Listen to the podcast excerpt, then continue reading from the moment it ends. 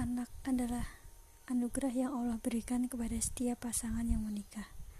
Maka setiap anak yang lahir memiliki hak yang ia peroleh dari orang tuanya, seperti perlindungan, nafkah, pemberian nama yang baik, dan mendapat perlakuan baik.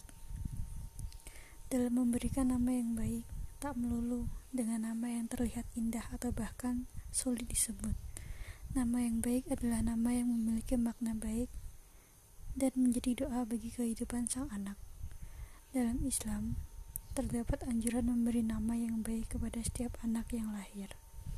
Islam mengajarkan umatnya agar memberi nama yang baik kepada anak yang baru lahir dan tidak sebaliknya.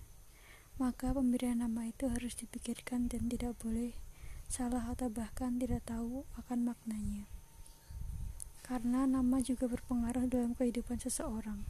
Setidaknya saat pemberian nama ketika bayi, terdapat harapan-harapan sesuai dengan nama sang bayi.